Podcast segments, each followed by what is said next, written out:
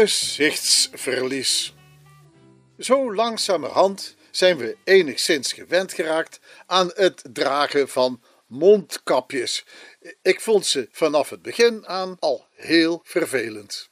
De magere elastiekjes vochten altijd een gevecht op leven en dood met de onbuigzame, maar o zo kwetsbare leesbrillenpoten, de altijd wat aangeslagen brillenglazen en af en toe onzichtbare, maar onhoorbare gehoorapparaatjes. Maar ja, dat is lang niet alles waar die vermaledijde mondkapjes ons mee hinderen. Dat doen ze achterbaks op een manier die ons niet opvalt. En dat heeft ongemerkt toch flink veel effect op onze omgang met elkaar. Een paar weken geleden meldde ik mij met mijn echtgenote bij de chirurg voor een kleine operatie. Op straat droegen wij braaf onze mondkapjes, die door grappenmakers regelmatig voor kontmapjes worden versleten. Toen we de kliniek binnenstapten, mochten de mondkapjes gelukkig af.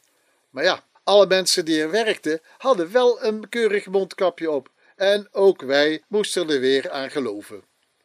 Wel, als goede Nederlanders waren wij keurig op tijd. En tot onze verbazing hoefden we nauwelijks te wachten tot we aan de beurt waren. De chirurg was een nog jonge vrouw. Het eerste wat ze van achter haar mondkapje zei was: hey, zijn jullie Nederlanders? Ja, ja, inderdaad, dat konden wij niet ontkennen. Dat waren wij wel degelijk. Nou, zij stelde zich voor als Bonnie en al gauw raakten we met elkaar in een gezellig driepersoonsgesprek. De assistente vond de desgevraagd helemaal niet vervelend dat we voor haar Koeterwaal spraken. Integendeel, ze vond het wel leuk klinken.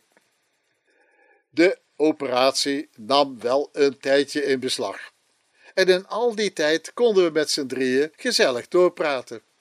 De operatie was een groot succes en de tijd vloog om. Twee medisch verantwoorde pleisters rijker mocht ik me weer min of meer toonbaar aankleden. En nog steeds waren we nog niet uitgepraat. Pas toen we thuis waren, bedachten we dat we van Bonnie's gezicht alleen maar de ogen hadden gezien. Wij realiseerden ons dat we elkaar op straat hoogstwaarschijnlijk niet zouden herkennen. Ondanks het feit dat ze er lang en slank uitzag en wij Nederlands genoeg. En dat is na zo'n geanimeerd gesprek toch wel raar. En ik realiseerde me ineens dat het dragen van die zo onschuldig uitziende mondkapjes heel veel kan betekenen voor onze communicatie. Als wij mensen met elkaar praten, spreekt ons gezicht boekdelen. We kunnen liegen met een stalen gezicht, likkenbaarden of afzien met een gezicht van oude lappen. Je kunt ook liegen met een uitgestreken gezicht, een gezicht trekken als een oorworm of zelfs een gezicht van een donderwolk. En al die gelaatsuitdrukkingen, die herken je meteen. Je, je zou het zo kunnen nadoen. Wij denken wel eens dat onze communicatie vooral via woorden gaat. Maar dat is niet helemaal waar. Wij produceren woorden, jazeker, maar die woorden die worden ondersteund en in een bepaalde richting gestuurd door een groot aantal andere signalen. Zie je ze voor je, de mensen die op de televisie belangrijke bekendmakingen omtalen in gebarentaal? Daar komen niet alleen gebaren bij te pas, maar ook en vooral gelaatsuitdrukkingen. In een rap tempo zie je verschillende emoties afgebeeld op die gezichten. Een glimlach van tevredenheid of verbazing, een open mond van verbazing. Je ziet ze razendsnel afgespeeld als op een menselijk schermpje.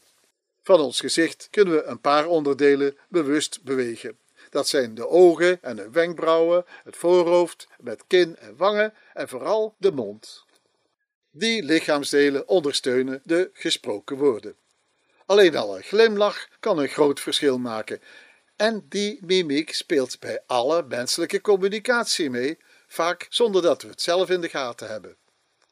En daarom hebben maskers vaak wat ongemakkelijks of zelfs bedreigends. Iets waardoor je je vaak niet zo heel erg op je gemak voelt.